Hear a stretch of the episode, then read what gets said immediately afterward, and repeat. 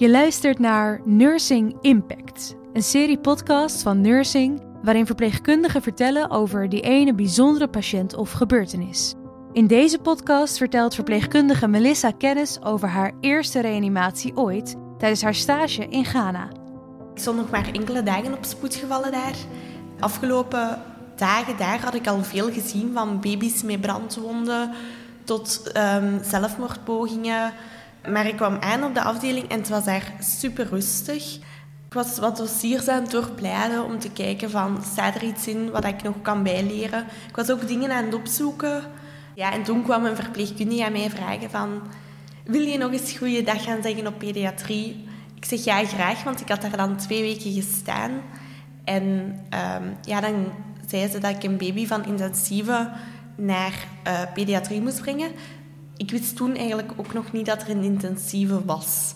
Maar dat was een gang naast spoedgevallen. Um, maar daar was ook geen permanentie of zo. Dus dat was heel raar. Um, ook geen monitors of zo. Dus ja, nu, het was ook wel de enige baby op intensieve. Dus ik kon hem wel redelijk snel herkennen. Ja, die, ja, die zag er bleek uit. Nu ja, malaria, sepsis, pneumonie dan weet je ook wel dat de situatie al niet zo goed is. Um, maar die lag te slapen in zijn bedje, was wel wat aan het hoesten. Ik heb dan gewoon de saturatiemeter op de teentjes gezet. Ja, die werkte dan niet. Dus dan ben ik teruggegaan naar de spoedafdeling, heb ik een nieuwe saturatiemeter gaan halen. En dan heeft die, heb ik die terug op de teentjes gezet en heeft die heel even gewerkt. En dan keek ik even naar de baby terug en dan zag ik dat hij gestopt was met ademen. En op dat moment kwam dan eigenlijk juist de verpleegkundige van de spoed het dossier binnenbrengen. Dus ja, toen heb ik gevraagd voor de uh, beademingsballon te gaan halen en gezegd dat ik ging beginnen met reanimatie.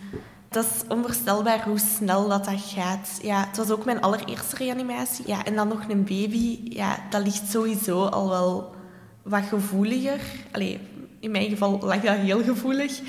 Um, op dat moment was het eigenlijk ja, niet nadenken en gewoon handelen. Um, dus ja, ik ben dan begonnen met te reanimeren. Mond-op-mond beademing. Ik ging mijn eigen ook niet besmetten, want uw eigen veiligheid gaat tenslotte altijd eerst voor. Dus heb ik eigenlijk gewoon die zuurstoffles meer opengedraaid gehad. En ben ik begonnen met de compressies. kwam de hoofdverpleegkundige erbij, heeft hij de glycemie genomen. Die stond dan op 1,4 millimol, wat heel laag is. Um, heeft ze die nog 2 milliliter adrenaline gegeven en 10 milliliter glucose. En dan heeft eigenlijk de verpleegkundige gezegd, alleen mijn hand weggehaald en gezegd van stop maar. Ja, ik had zoiets van, waarom nu al stoppen? Ik wist ook totaal niet hoe lang ik al bezig was met reanimeren. Um, maar ik had wel zoiets van, kunnen we die baby daar niet doorkrijgen? Allee, ja, er ging op dat moment veel door mijn hoofd. Ik stond er al met tranen in mijn ogen, proberen mijn eigen emoties toch te bedwingen. Um, maar ja, dat was niet zo makkelijk. Um, ja, en ik was echt aan het hopen dat die baby weer ging doorkomen, maar dat is dus niet gelukt. Ja, ik voelde me heel schuldig, omdat die baby gestorven was. Ik dacht, heb ik iets over het hoofd gezien? Heb ik iets fout gedaan? Had ik iets kunnen voorkomen? Ik wou dan ook tegen die mama zeggen van, uw baby is gestorven, want niemand had dat gedaan. Ja, die sprak geen woord Engels, dus ik kon het ook niet in het Fante uiten, want wij kregen enkel basiswoorden mee. Um, dus ja, ik kon eigenlijk niks zeggen. En um, ik ben dan de materialen op spoed gaan wegleggen, um. En ik ben dan gewoon even een gang ingelopen. Ik heb me daar even neergezet en ik ben in tranen uitgebarsten. Ja. Toevallig kwam de arts van um, spoed en intensieve. En die vroeg dan op een half lachende manier: What's the situation? En op dat moment had ik zoiets aan: Ja, moet dat nu op deze manier? Dus ja, ik leg dat dan uit uh, dat ik een reanimatie had gehad van een baby. Die wist van geen baby op zijn afdeling. Dus die begon daar van alles te mompelen. Maar op dat moment hoort je ook totaal niet wat hij aan het zeggen is. Het enige wat ik heb gehoord is van dit is Afrika. En ik denk dat hij bedoelde van trek het u niet zo aan. Dit gebeurt hier wel vaker. Ja, je wordt wel beoordeeld op je stage. Dus ergens wou ik niet van... Als ik nu naar huis ga, ga ik misschien slechte punten krijgen. Of gaan ze mij te emotioneel of te zwak vinden. Dus ja, ik ben dan gebleven tot één uur. Normaal gezien hadden wij het tegen twee uur gedaan. Ik had zoveel hoofdpijn, het, het ging echt niet meer. Dus ja, ben ik wel iets eerder doorgegaan. Ik ben dan na een tijd teruggegaan naar de spoedgevallen.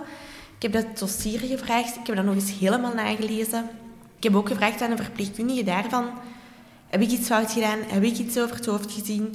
Nee, nee, nee, supergoed gedaan, supergoed gedaan. Precies alsof ik weet ik veel welke behandeling had gedaan, wat eigenlijk totaal niet zo was. Ik had de mama dan ook ja, nog nooit gezien, buiten dan wanneer ik de saturatie ging nemen. Ja, die zat daar op het bankje aan de spoed gevallen. En ik wou goedendag zeggen, maar die, ja, die keek heel boos. De dag erna zat hij daar dan nog. En elke keer als de deur van de spoedgevallen openging, zag die haar hoofd naar binnen en bekeek die mij ja, boos en, en vragend aan. Um, wat er door die haar hoofd speelde, ja, dat weet ik niet. Um, ik wou echt wel naar haar gaan, een gesprek hebben van kijk, dit is er gebeurd met je baby.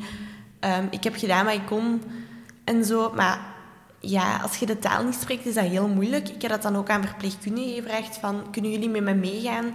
Kunnen jullie het vertalen voor mij? Maar ja, daar werd dat is gewoon daar heel anders dan hier. Daar wordt veel minder aandacht aan besteed. Dat is gewoon van, ja, overleden is overleden en dat is het. Die familie mag daar wenen en doen, daar zal niemand heen gaan. Nee. Maar ik, ja, ik denk daar toch nog wel vaak aan. Of dat ik zo um, nachtmerries erover heb gehad, heel vaak. Of flashbacks uit het niets. Um, dus ja, ik denk dat er ook wel ergens ja, iets is dat ik, dat ik moet verwerken en dat dat wel even tijd zal nodig hebben. ik ben nu een half jaar terug van Afrika. Toen als ik pas terugkwam, had ik het daar wel heel moeilijk mee. Ik probeer daarover te praten met collega's, um, als ik het even moeilijk heb. Ja, ik probeer ook gewoon te kijken van, ja, wat heb ik gedaan? Ik heb gedaan wat ik kon. Um, maar ja, je weet niet wat er juist is gebeurd. En ik vraag me zo soms wel af van...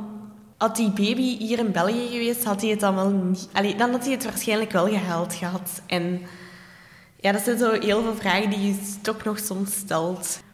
Het heeft zeker en vast mijn blik op mijn vak veranderd. Um, ik ben, ik geef dat eerlijk toe, heel hard opgeleid met communicatie en palliatieve zorgen. Um, die vakken hebben we heel lang gehad. Maar ik merk dat ik nu nog meer aandacht besteed aan als er iemand op sterven ligt, die symptomen van ja, vertraagde ademhaling of juist beginnen gaspen en zo. Ik leg dat ook echt uit aan de familie. Ik zeg bijvoorbeeld ook tegen de familie, als het lijkt dat ze gewoon aan het slapen zijn, van zeg er nog maar dingen tegen, want ze horen het nog wel. Um, dus die communicatie met familie van dat gebeurt er en dat gaat er gebeuren. En ook als de patiënten overleden zijn, dat ik hun echt wel opvang en dat ik allee, er nog echt wel over praat met hun. Dat ik met hun even in de cafetaria ga zitten. Ja.